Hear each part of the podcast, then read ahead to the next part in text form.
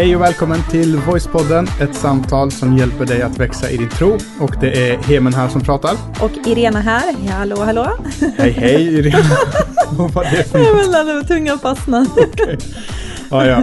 Men det är vi som är här i vanlig ordning och idag så har vi ett eh, avsnitt som vi har sett fram emot att spela in ganska länge kan man mm. säga, som vi har skjutit upp eh, på, för framtiden. Jo men det har vi gjort och, och det ligger väldigt nära vårt hjärta det här avsnittet. Det är ett, ett avsnitt som är lite personligt. Mm. Eh, titeln är ju Voice, hela storyn och handlar lite om eh, lite bakgrunden till varför vi startade Voice-podden, eh, liksom, bland annat. Mm. Men framförallt också Voice som kyrka. Eh, för vad väldigt många inte känner till det är, och det nämnde vi i eh, första avsnittet, men har man inte hört första avsnittet eller glömt bort det, så vet man ju inte det. Nej. Eh, att vi är pastorer i en kyrka som heter Voice, och det är därför det här heter Voice-podden. Just det. och den kyrkan har bara funnits i ett år. Mm.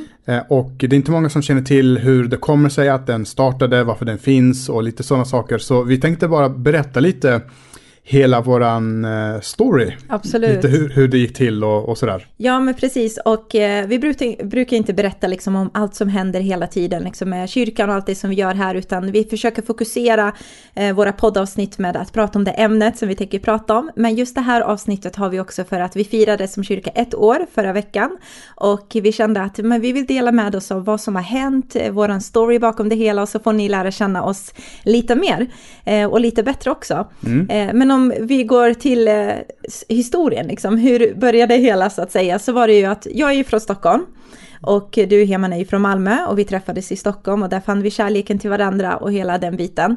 Eh, men sen har du och jag efter vår bibelskola när vi liksom flyttade eh, och gifte oss och allt det så har vi alltid varit engagerade i nystartade kyrkor. Eh, som man säger församlingsplantering i kyrkvärlden liksom så. Eh, och det har varit väldigt naturligt för oss att vara med i så nystartade kyrkor så. Eh, och eh, det hela började med att vi flyttade tillsammans till en liten stad som hette Katrineholm. Heter fortfarande. Ja, den heter fortfarande, den finns fortfarande också. Finns, och det är faktiskt en av Sveriges nyaste städer. Den är bara 100 år gammal. Mm, en fin en liten stad, mm. absolut.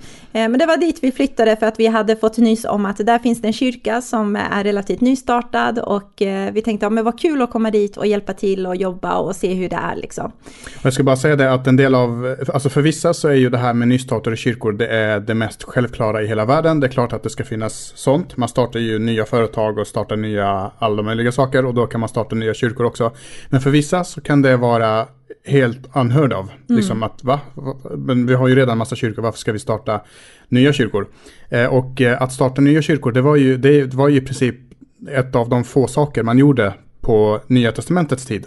Alltså med de första lärjungarna, man kom till ny plats, eh, berättade om Jesus, människor kom till tro och sen så blev det en kyrka av mm. det. En kyrka är ju betyder eklesia en, en samling av människor. Ja, så är det. Eh, och, så, så det har vi alltid varit engagerade i eh, under så långt som vi har varit troende och det är typ det vi känner till. Vi har varit med är det en eller två gånger i vanliga traditionella ja. kyrkor och trivdes där jättebra också. Och de, har, de vanliga traditionella etablerade kyrkor har också startat någon gång. Så. Precis, alla kyrkor har startat någon gång. ja, så är det ju.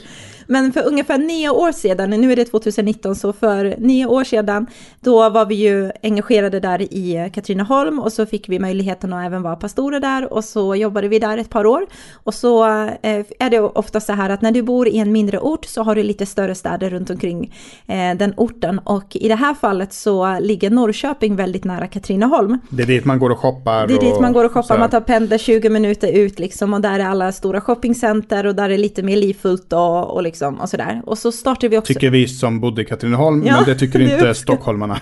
Nej, de tycker väl att det finns ett större utbud i New York, New York, eller något. Ja. Mm. Men hur som helst så bodde vi ju där och eh, vi rörde oss ganska mycket i Norrköping. Och i samband med att vi bodde i Katrineholm så startade vi också vårt företag. Eh, och då hade vi ju naturligt liksom koppling till Norrköping. Vi fick lite företagskunder där. Min syster från Stockholm flyttade till Norrköping för kärlekens skull. Det blev ännu en naturlig koppling till den staden. Och så höll vi på ett tag och pendlade och blev helt förälskade i Norrköping som stad. Mm. Eh, och började känna en längtan över, tänk om vi kunde vara med och starta upp någonting Eh, för det fanns redan kyrkor, eh, men det behövdes också fler kyrkor med tanke på hur stor befolkningen är i Norrköping. Mm, Norrköping tillhör en av de platserna i Sverige som har minst antal kyrkor i förhållande till hur storstaden är ändå. Mm. Över 140 000. Precis. Um, och det finns, precis som du säger, massa bra, eller inte massa, men de kyrkor som finns är bra och ja. gör det jättebra. Men uh, vi når inte de 140 000 som, som bor här. Uh, det skulle behövas, behövas nya kyrkor egentligen eh, på alla platser i, I Sverige. Landet. Absolut. Precis. Men hur som helst så, precis som du säger, vi började älska staden, det började väckas någonting. Tänk om vi kunde flytta till Norrköping och starta någonting här. Mm. För fram till dess så hade vi alltid stått under någon eller vid sidan av någon och lärt oss en massa. Men nu ja. kände vi, kanske är det liksom nu vi ska göra det här. Ja. Och, och, vi gick så långt så att vi eh, eh skrev ett mail till alla våra kunder och sa nu flyttar vi. vi hade fått en lägenhet mitt i centrala Norrköping. Mm. Vi var på väg men av olika skäl som vi inte går in på i detalj så blev det inte Norrköping utan vi, blev, vi tog en lång omväg genom Västerås, Eskilstuna. Ja. Eh, en omväg som tog oss fem, sex år kanske? Ja, ungefär sju år kanske till och med, eller sex mm. år, ungefär så. Och under den vägen så har vi lärt oss så otroligt mycket, för även där så fick vi vara med i en nystartad kyrka eh, i Eskilstuna och hjälpa till där. Vi jobbade under några pastorer som också var en etablerad kyrka kan man säga. Och, eh, och vi lärde oss så otroligt mycket, verkligen, och växte massor. Eh, så det var en väldigt lärorik säsong för oss. Och ibland så kan det vara så att man kan känna en övertygelse i sitt hjärta över att men jag tror att Gud vill att jag ska göra det här. Jag tror att Gud liksom manar mig till att satsa på det här och så tänker man det är nu det ska mm. ske.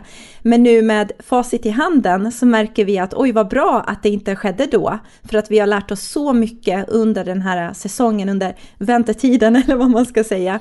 Vilket inte är en väntetid utan Nej, det, det är en, en tid som Gud förbereder och det finns alltid en så här förberedelsetid inför mm. allting. Och eh, speciellt som ung, som 20-åring, så tycker man att fem år det är ju en evighet. Alltså ja. man är ju pensionär när fem år har gått. Men så är det ju inte, utan ju äldre man blir desto, eh, desto kortare åren blir på något sätt. Och tio år kan flyga Mm. bort hur enkelt som helst. Men jag tror att vi gjorde något avsnitt också om det här med tajmingen mm. i eh, vår förra podd, Bibelpodden. Just det.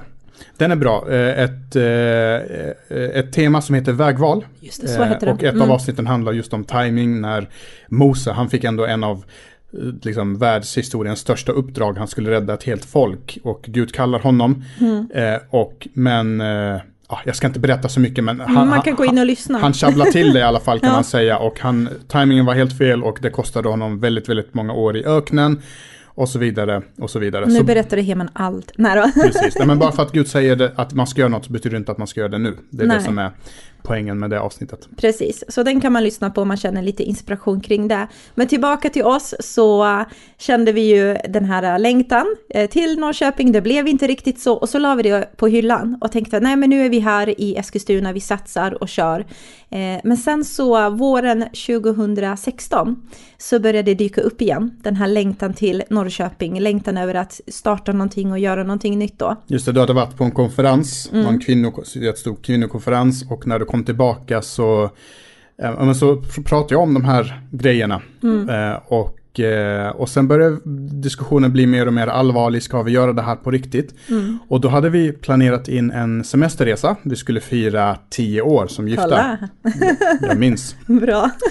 Eh, och, och då fick vi tipset, för vi bollade det här med flera, och då mm. fick vi tipset, men ska ni inte göra så här, åk på den här semesterresan, och använd den resan för att eh, söka Gud, be, diskutera, fundera om det här verkligen är, är någonting som ni vill göra. Mm. För att det var ändå så att vi var en del av, som du sa, en väldigt bra kyrka.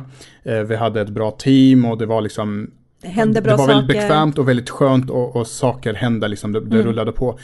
Eh, och att lämna allt det där och börja om på nytt och dessutom aldrig ha gjort det tidigare, det gör man liksom inte bara sådär. Nej.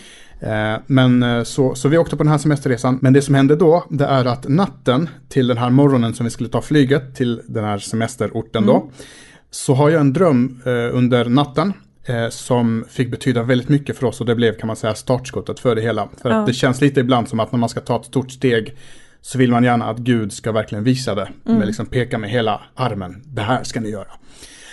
så under natten så har jag den här drömmen och det här var mitt under sommaren Och i den drömmen så står du och jag på kanten av en sjö. Och den sjön har, har av någon anledning frusit till is mitt under sommaren. Väldigt ologiskt. Men så var det i alla fall. Och vi står där på kanten och diskuterar eh, om vi vågar gå över isen eller inte. Vågar mm. vi gå över isen? Eh, för tänk om vi går över isen och isen inte håller. Är isen så att säga tillräckligt tjock och, och sådär. Och det här är liksom en bild på den här andra diskussionen som vi hade. Vågar vi flytta nu till Norrköping? Vågar vi verkligen göra det som mm. vi har drömt om så länge och velat göra så länge? Tänk om det inte funkar liksom. Tänk om det inte funkar, tänk om ingen vill vara med. Är vi kvalificerade att göra det ja. här? Jag tycker fortfarande att vi inte är det. Ja. Men, men eh, ja. liksom, det var en bild på det lite grann. Och i det, när vi har den här diskussionen, så ser jag hur Jesus kliver in i bilden. Och så kommer han och särar på oss och tar våra, liksom våra händer så att han står i mitten. Mm. Och så säger han med en ganska klar, tydlig men väldigt kärleksfull röst. Så säger han så här. Eh, Kom så går vi över isen. Jag kan inte garantera att isen kommer hålla i alla lägen. Men när isen brister så ska jag visa er hur man går på vatten. Mm. Och det var så starkt för oss. När du delade med dig av den här drömmen så kände jag själv en enorm bekräftelse sådär på insidan. Bara yes, det känns vi har Gud med oss i det här. Eh, vi hade en visshet om att det var nog dags, men ändå så tvivlade man liksom på sin egen förmåga och på, man tänkte på alla praktiska saker som behöver klaffa, liksom allt det där. Eh, men nu så känner vi ändå så här, okej, okay, Gud är med. Eh, han är med i det här, liksom, det är inte eget påfund. Mm. Och, och man, det hade liksom 300 frågetecken. Ja, det hade vi men, verkligen. Men nu fick vi ett enda utropstecken. Precis. Och jag gillar just det här med att att när Jesus säger gå så gör han inte det med, med några så här garantier. Om ni, om, ni, om ni går på det här så kommer allting att bli bra, allting kommer funka. Mm. Utan han vill ju ändå att vi ska ha tro, att vi ska kunna lita på honom, att vi ska inte lita på vårt eget förstånd, vår egen kraft. Mm. Eh, och, och så är, funkar ju livet också. Alltså en del tänker ju att om, om, man bara blir kristen så blir allting bra, men så är det ju inte alltid. Nej. Eller det blir inte bra, ibland kan det dessutom bli lite värre på vissa områden, lite mm. jobbigare liksom sådär. Eh, och isen kommer brista ibland och det har den gjort under hela den här förberedelsetiden. Men just det här ja, men då, då, måste vi förlita oss på Jesus och han får ta våra händer och, mm. och visa oss hur man går på Absolut. vatten. Absolut, och det är ju så i livet också. Alltså isen brister flera gånger i ens vandring tillsammans med Gud för att livet är som det är. Man kan inte kontrollera på omständigheter, på hur andra reagerar, på vad som händer och sånt. Men oavsett vad man har gått igenom, om vi pratar utifrån våra liv, så har vi ändå sett att Gud aldrig har lämnat oss. Han har alltid hållit oss i handen genom vad vi än har mött. Även om det har varit tufft så har han tagit oss antingen igenom det eller över det. Men han har aldrig någonsin svikit med att låta oss stå där själva och kämpa. Eh, och det kändes tryggt för oss att veta, okej, okay, han håller oss i handen och då får han lära oss att gå på vatten då. Precis. Så det vi gjorde var att vi meddelade det till vår ledning och, och, liksom, och pastorerna som vi jobbar med där. Och så bestämde vi oss, okej, okay, nu flyttar vi till Norrköping. Eh, och där så var det också så Inom två månader så ja. hade vi lägenhet. Absolut. Eh, Vår dotter hade fått en ny förskola, det var en stor så här eh, ett stort bekymmer hur kommer det gå med den biten. Hon fick en jättebra förskola. Men inte till en början, det får vi inte glömma. För jag kommer ihåg i början så hamnade hon på en förskola som inte var jättebra. Ja, just det. Eh, och det var också en sån här tuff grej eh, för att det var så viktigt för oss att dottern skulle hamna på en bra förskola. Men sen efter två månader så fick hon byta till en fantastiskt bra skola. Men det var också sådär i början, allt var inte perfekt. Ska vi behöva offra våran dotter på allt? Ja, liksom, men det ville man det? liksom inte göra så. Eh, men sen så löste det sig. Men det var också en sån här grej där vi behövde än en gång bara gå tillbaka. Eh, för någon kan det vara, äh, var det bara det? Men för oss var det en stor sak. Det var viktigt att dottern trivdes liksom. Eh, och gå tillbaka igen och lita på, okej okay, Gud du har sagt att vi ska vara här, vi tror att det här kommer lösa sig. Och så gjorde det också. Eh, så vi flyttade i alla fall till Norrköping och när vi gjorde det så utannonserade vi där om att vi kommer starta en kyrka inom ett år. Så hösten 2017 kommer vi starta en kyrka hade vi sagt via sociala medier och vi var helt liksom så inspirerade kring det. Och då hade vi bott, kommer jag ihåg, vad var det, typ en månad va? Mm. En månad i Norrköping så började det klia i fingrarna och vi bara Jaha, vad ska vi göra nu då? det har liksom gått bara en månad. Och eh, då kom du på det här med att ja, men vi, låt oss fortsätta och använda våra gåvor under det här året. Och både du och jag har en längtan att hjälpa människor att växa i sin tro. Eh, att hjälpa människor att förvalta det man har fått i liksom, eh, sina händer av Gud. Och vi vill kommunicera Bibelns budskap på ett sätt att även om du inte har någon slags förkunskap så ska man ändå förstå vad är det Gud vill förmedla till oss idag. Vad, vad handlar evangeliet om och så.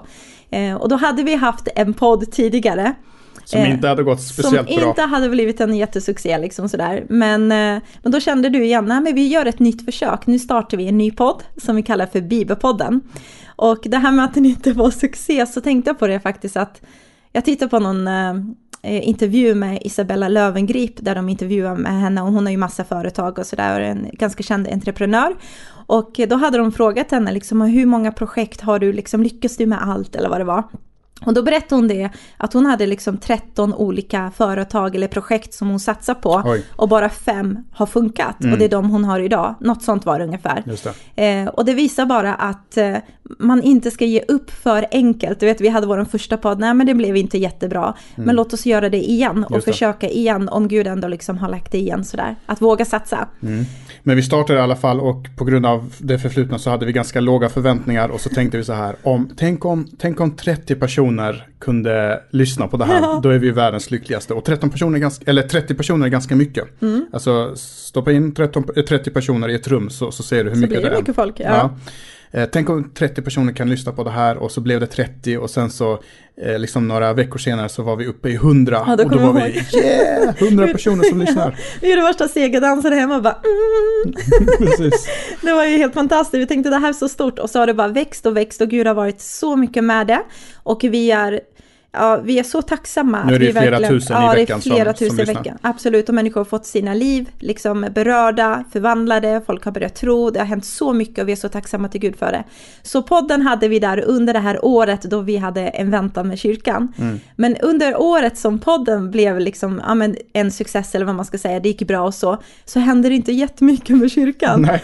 Utan där var vi utannonserat att det ska bli något och det var mm. du och jag liksom. Någon gång slog en tanken, ska vi inte bara syssla med poddandet? ja. Är det det liksom vi ska syssla med resten, resten av våra liv?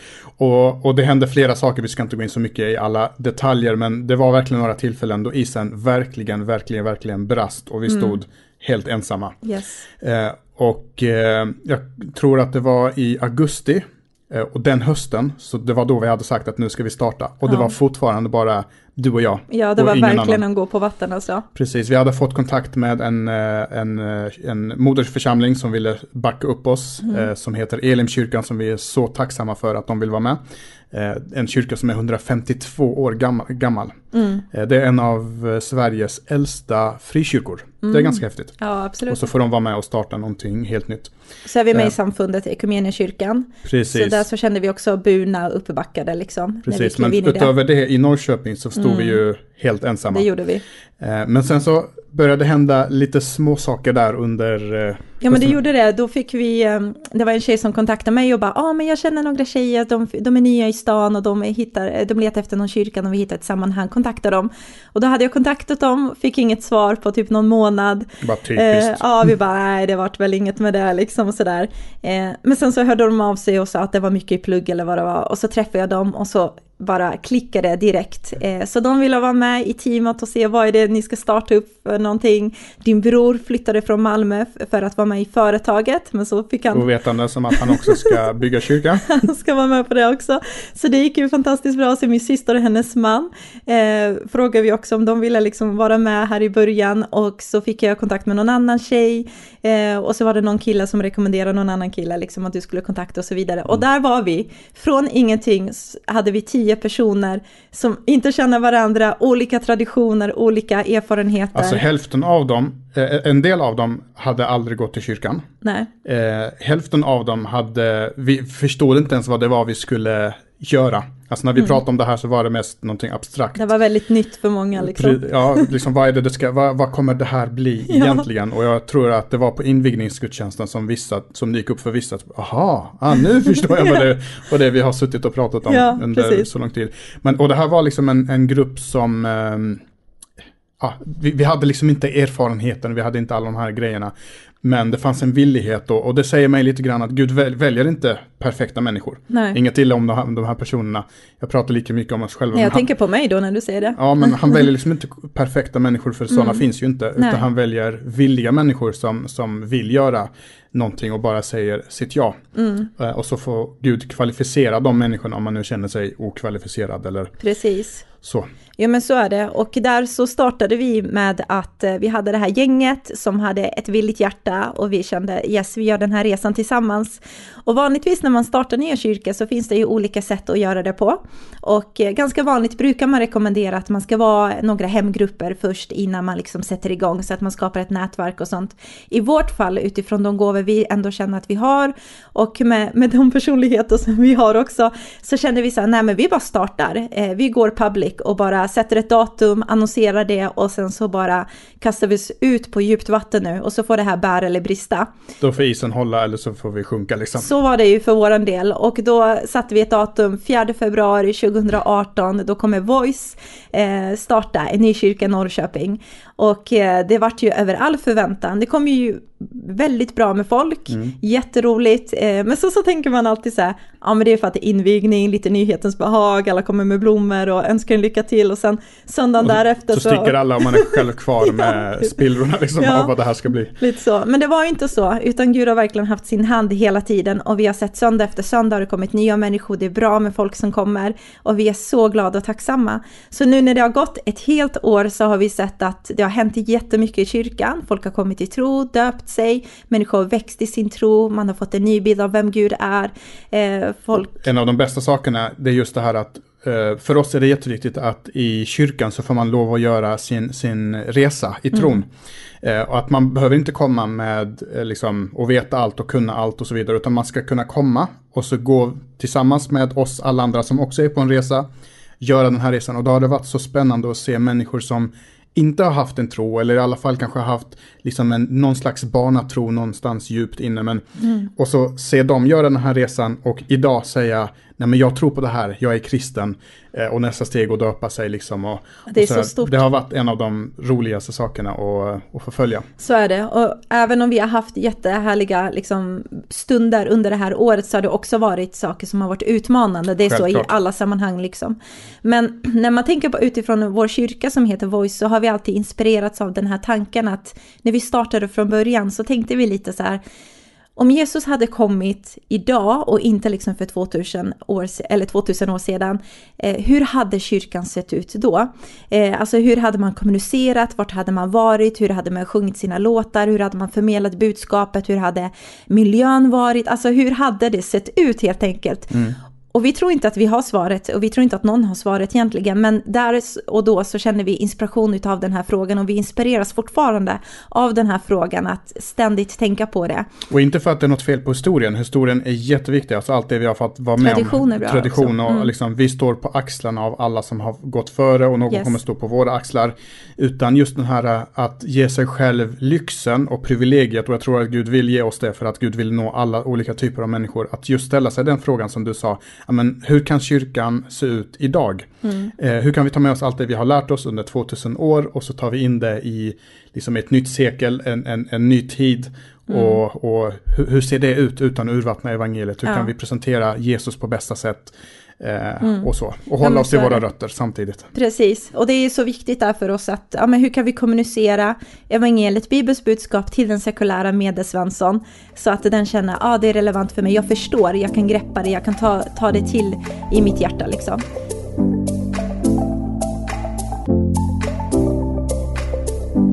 Men eh, det här namnet Voice är ju lite unikt i sin stavning. Det är lite swinglish liksom. Ja, precis. Alltså om någon inte gillar det namnet, jag tror de flesta gör det, men om man inte gör det så ska man försöka sätta sig ner och komma på ett namn till en kyrka. det, är kanske, det, det, är inte det, det gjorde vi under ett år när inget annat hände, så försökte vi komma på namn. Precis, vad gjorde ni under det första året? Ja, vi försökte hitta ett bra namn. Nej.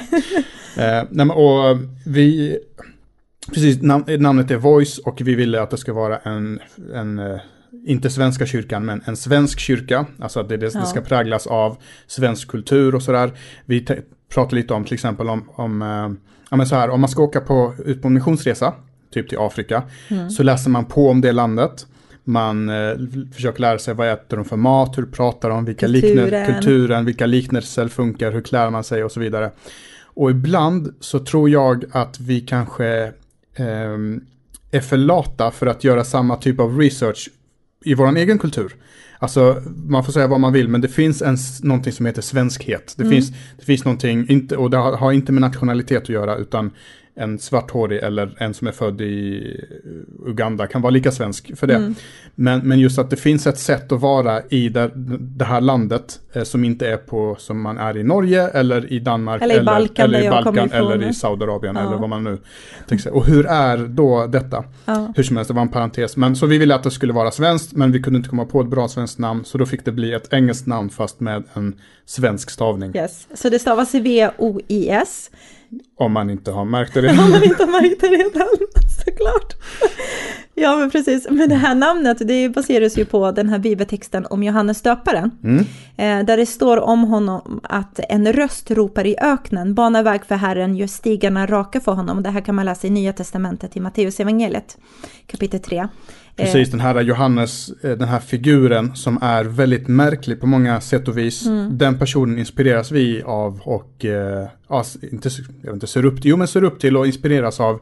Eh, för att, eh, och det bygger just på det du sa, en röst ropar i öknen, alltså voice, en röst ropar mm. i öknen. Och då ser vi Sverige som en andlig öken kan man säga, där, mm. människor, där väldigt få människor tror på Jesus och där vi har väldigt mycket jobb framför oss eh, att göra. Mm. Och där också kanske det materiella har fått ta överhand för det spirituella eller det, det andliga. Mm. Det handlar inte längre bara om själen och anden utan nu handlar det väldigt mycket om kroppens behov så att säga och, ja. och det fysiska. Eh, men, men, han var ju en väldigt speciell figur, den här ja. Johannes. Han eh, uppehöll sig i öknen. Ja, men det gjorde han. Och tillbaka till det här med andlig liksom, öken och att vi ändå tror att vi Gud har kallat oss till att vara den här rösten så tänker vi som kyrka att Gud liksom har kallat oss till att vara voice, den här rösten som banar vägen för Jesus in i människors hjärtan. Och vi tänker så här att Jesus gjorde det enkelt för människor att komma till honom. Eh, och så vill vi också vara, att vi vill göra det enkelt för människor att få förståelse av vem är Jesus, vad är det han vill, vad har Bibeln att erbjuda.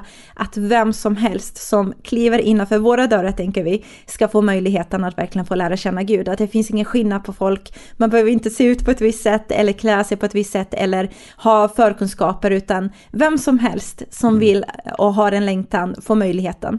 Eh, så lite inspirerade är vi utifrån han eh, Johannes döparen. Som du sa, han var lite speciell, eh, men han trodde ändå på sin sak liksom. Ja, alltså han trodde han var speciell. Han liksom åt honung och gräshoppor och behöll, uppehöll sig i öknen och döpte folk och sådär.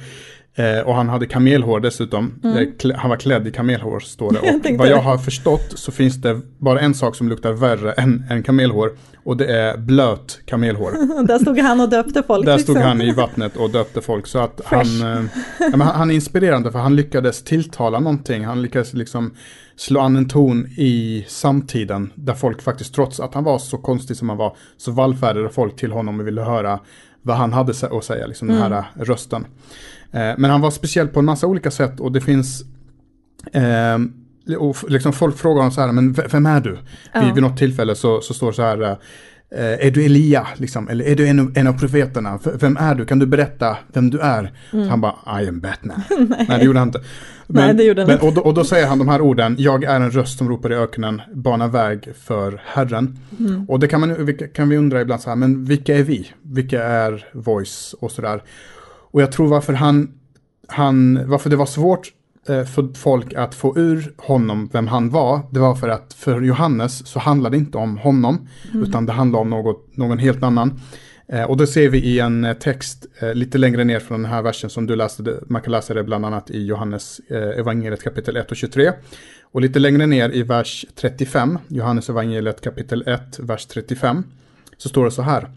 Dagen efter, Johannes hade döpt Jesus, och då står det så här att dagen efter stod Johannes, döparen, där igen med två av sina lärjungar. Och när Jesus kom gående förbi såg Johannes på honom och sa, där är Guds lam. Mm. De båda lärjungarna hörde detta och började följa Jesus. Så Johannes hade, precis som Jesus hade sina lärjungar, så hade Johannes också sina lärjungar. Han hade mm. tränat dem, han hade investerat tid i dem, gett dem allt han kunde liksom. Och rätt vad det är så ser de Jesus och så tänker de, nej men vi sticker till honom istället. Ja, liksom. Eller att han pekar mot honom också. Liksom. Precis, och lite, alltså, jag hade känt mig lite snopen, liksom så här, här har jag lagt ner tid, investerat tid och så sticker ni bara. Mm. Eller typ om man startar en restaurangkedja och så en hamburgarkedja och så andra sidan gatan så startar en annan hamburgarkedja och ja. så går alla dit istället. Eller man har jobbat hårt på ett företag och tänker nu ska jag bli befordrad och så är det en nyanställd som blir befordrad eh, före mig istället. Liksom, Johannes hade all anledning att känna sig avundsjuk, att känna Mm. sig snopen, besviken, sviken. Men han gjorde inte det, just Nej. på grund av det här att för honom så, sa, så handlade det inte om Johannes, utan det handlade om Jesus och det var därför han pekade på Jesus och sa, Mm. titta där, där är Guds lam, där är Messias, jag är bara rösten som kommer före honom, som ska förbereda och bana vägen för Jesus. Mm. Han säger till exempel att eh, jag är inte ens värd att knyta hans skosandaler, eller eh, snören på, på hans skosandaler. Ja. Och så säger han också att han ska bli större och jag ska bli mindre. Eh, och varför den här storyn är så inspirerande, det är just att, att Johannes var lite som en, vad ska man säga, en, en, en skylt, en vägskylt Mm. som pekade mot någonting annat. Precis. Och jag hoppas att, att, och det är våran dröm och vision också, att vi också får vara blott en vägskylt som Ja. pekar mot någonting annat. Liksom, ja men här är en vägskylt och så står det Disneyland. Ja. Vi är inte Disneyland, men vi kan peka mot Disneyland. Disneyland i det här fallet är Jesus. Okej. Eh, men att han, är- att han är källan och så får vi peka mot det. absolut. Ja men jag eh, tycker själv det är jätteinspirerande och det är det vi vill. Alltså vi vill ju som kyrka peka mot Jesus och när människor kommer till våra sammanhang och till kyrkan så vill man ju att de ska känna okej men det är Jesus, jag fattar det är honom det handlar om. Mm. Att han är källan som vi leder människor till. Eh, och, Men just det här för att alltså det, det finns så många löften i Bibeln. Mm. Det här med eh, om du blir kristen så kan du få frid, du kan få glädje, du kan få alla de här sakerna. Men om vi förväxlar det med att det är kyrkan som ska ge mig de här Alltså grejerna, människorna människorna Ja. då kan man ju lätt bli besviken för att människor kommer göra en besviken. Mm. Men om man pekar människor till källan istället, då blir man aldrig besviken. Du pratade om det i början, att Jesus, Gud har aldrig svikit oss. Nej. Och jag tror aldrig han gör det heller. Eh, och därför är det så viktigt att peka just människor till Jesus och inte till, till någon, någon, någonting annat, vad det nu än är. Och jag tycker att det är det Johannes eh, statuerade så bra genom att hela tiden säga det handlar inte om mig, utan det handlar om någon annan. Och det, där har ni honom. Mm. Och så, sticker, och så får det kosta vad det vill och i det här fallet så kostar det att de här två lärjungarna stack och följde Jesus. Mm. En av de lärjungarna var faktiskt Andreas som är bror till Petrus som Jesus sa på dig ska jag bygga min, eh, du är klippan och på denna klippa ska jag bygga min Just församling. Ja. Så han fick bli en stor person men han, det var en följd av det liksom. Så Mm. att, eh, Ja, men, och därför så tänker vi också tillbaka till Voice då, att vi vill vara den här rösten som pekar människor mot Jesus och även också våran podd, därav att vi bytte till Voice-podden. Eh, att vi vill vara den här rösten som talar in i människors hjärtan. Mm. Jag tänkte nu när vi ska avsluta nu alldeles strax. Mm. Eh, vi gjorde ju så att i augusti 2017 just när vi var, det var bara jag och du Ja. och det fanns ingenting och den hösten så skulle, vi, så skulle det bli allt det här som det nu är. Mm. Eh, så satt vi på varsin soffa och eh, tänkte, vi, vi hade alla anledning att deppa ihop, men tänkte, men kan vi inte göra så här att vi sätter oss på varsin soffa och så skriver vi ner, vad är det vi ser, vad är det vi drömmer om, vad är det vi vill se här Mm. i Norrköping och på så många andra platser. Lite det här om Ja. ingenting är omöjligt. Precis, just, just det här, precis den här frågan. Om ingenting är omöjligt, Ja. vad, vad, vad, vad skulle vi kunna Mm. drömma om då? Och då satt vi ner och skrev på varsitt anteckningsblock eller iPad eller vad vi nu gjorde. Och sen så möttes vi igen och jämförde våra anteckningar och så kom vi fram till det här som jag tänkte, Vi kan läsa det ja. om Jag du kan- kunde läsa det. Absolut. Eh, det är skrivet i jag-form och eh, det tar kanske någon minut här, så lyssna här. Jag drömmer om en kyrka, men inte bara en kyrka utan en rörelse av människor som älskar Jesus passionerat, är kunniga i Bibeln och frimodiga med att berätta om sin tro. Som älskar sin nästa som sig själv och lever ett osjälviskt liv. Som ser och möter andra människor med värme och kärlek därför att Gud älskar varje människa. Jag drömmer om en kyrka med äkthet, där fasader får brytas ner, där man kan pusta ut och vila i Guds nåd. Här får Guds villkorslösa kärlek inspirera var och en att vara sig själv, den Gud har skapat en till att vara. Jag drömmer om en miljö där man får upptäcka, utveckla och använda de gåvor som Gud har lagt ner i en. Jag drömmer om att kyrkan ska få bli en trygg plats där man kan ställa sina frågor, bolla sina tankar och lufta sitt tvivel. Där man kan känna tillhörighet innan man börjar tro. En kyrka där skeptiker känner sig välkomna och sökare får hitta hem. Jag drömmer om en kyrka som ödmjukt, sakligt, respektfullt och med kärlek kan svara på livets stora frågor och vara en positiv röst i samhället. En kyrka som är trygg i det den tror på.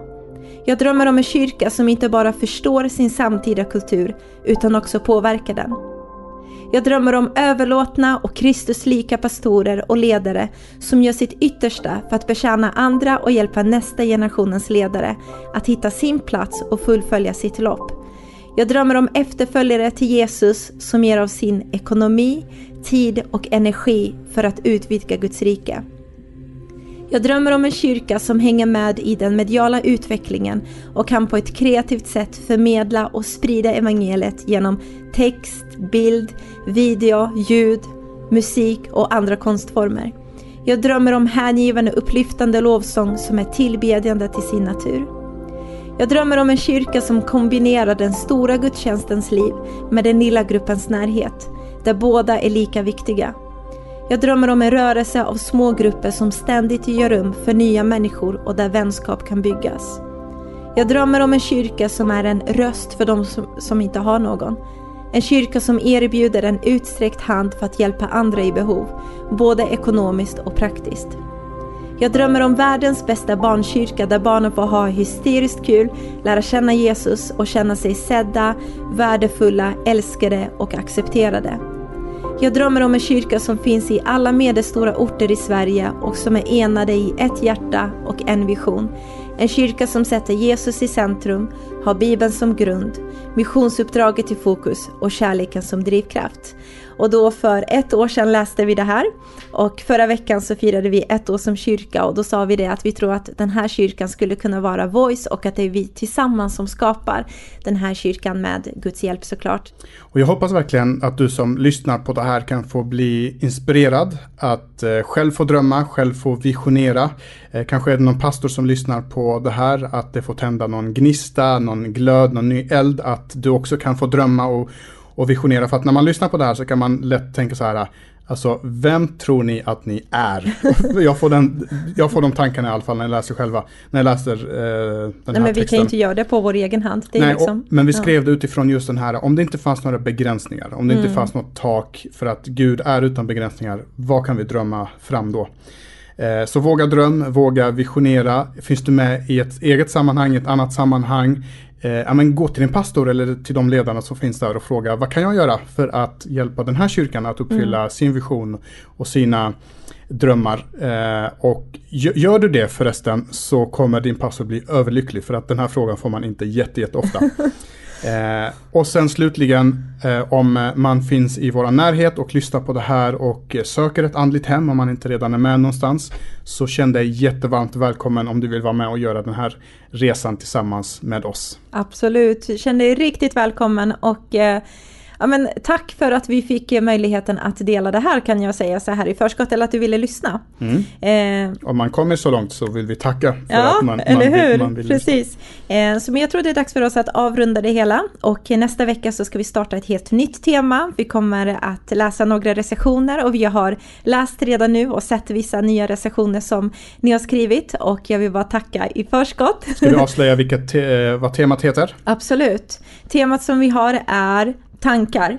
Eh, Varför har vi det temat? Ja, men temat handlar om allt det här med tankar, om att Bibeln pratar om att förnya sitt sinne, bevara sitt hjärta. Hur kan man göra så att man har koll på alla dessa tankar som snurrar runt i huvudet? Hur kan man, eh, man brukar säga så här att det liv du lever idag är eh, på grund av de tankar som du har haft under en lång period. Mhm. Eh, och mycket, mycket annat finns det att säga, så att det här kommer vara väldigt intressant Men och du bra. nämnde en jättebra grej, jag måste bara säga det så att man taggar igång. Det här med, du vet man vaknar på morgonen Ja. och så har man helt enkelt vaknat på fel sida. Yes. Vad handlar det om liksom? Mm. Lite sådana saker. Precis. Så jag tror du kommer känna dig riktigt eh, pepp på att få lyssna på det här. Eh, så tagga för nästa tillfälle, då blir det tankar och vi väljer ut en person som har skrivit en recension och mycket mer kommer i Voicepodden. Så tack för att du lyssnar. Ha det så gott. Ha det jättebra. Hej då.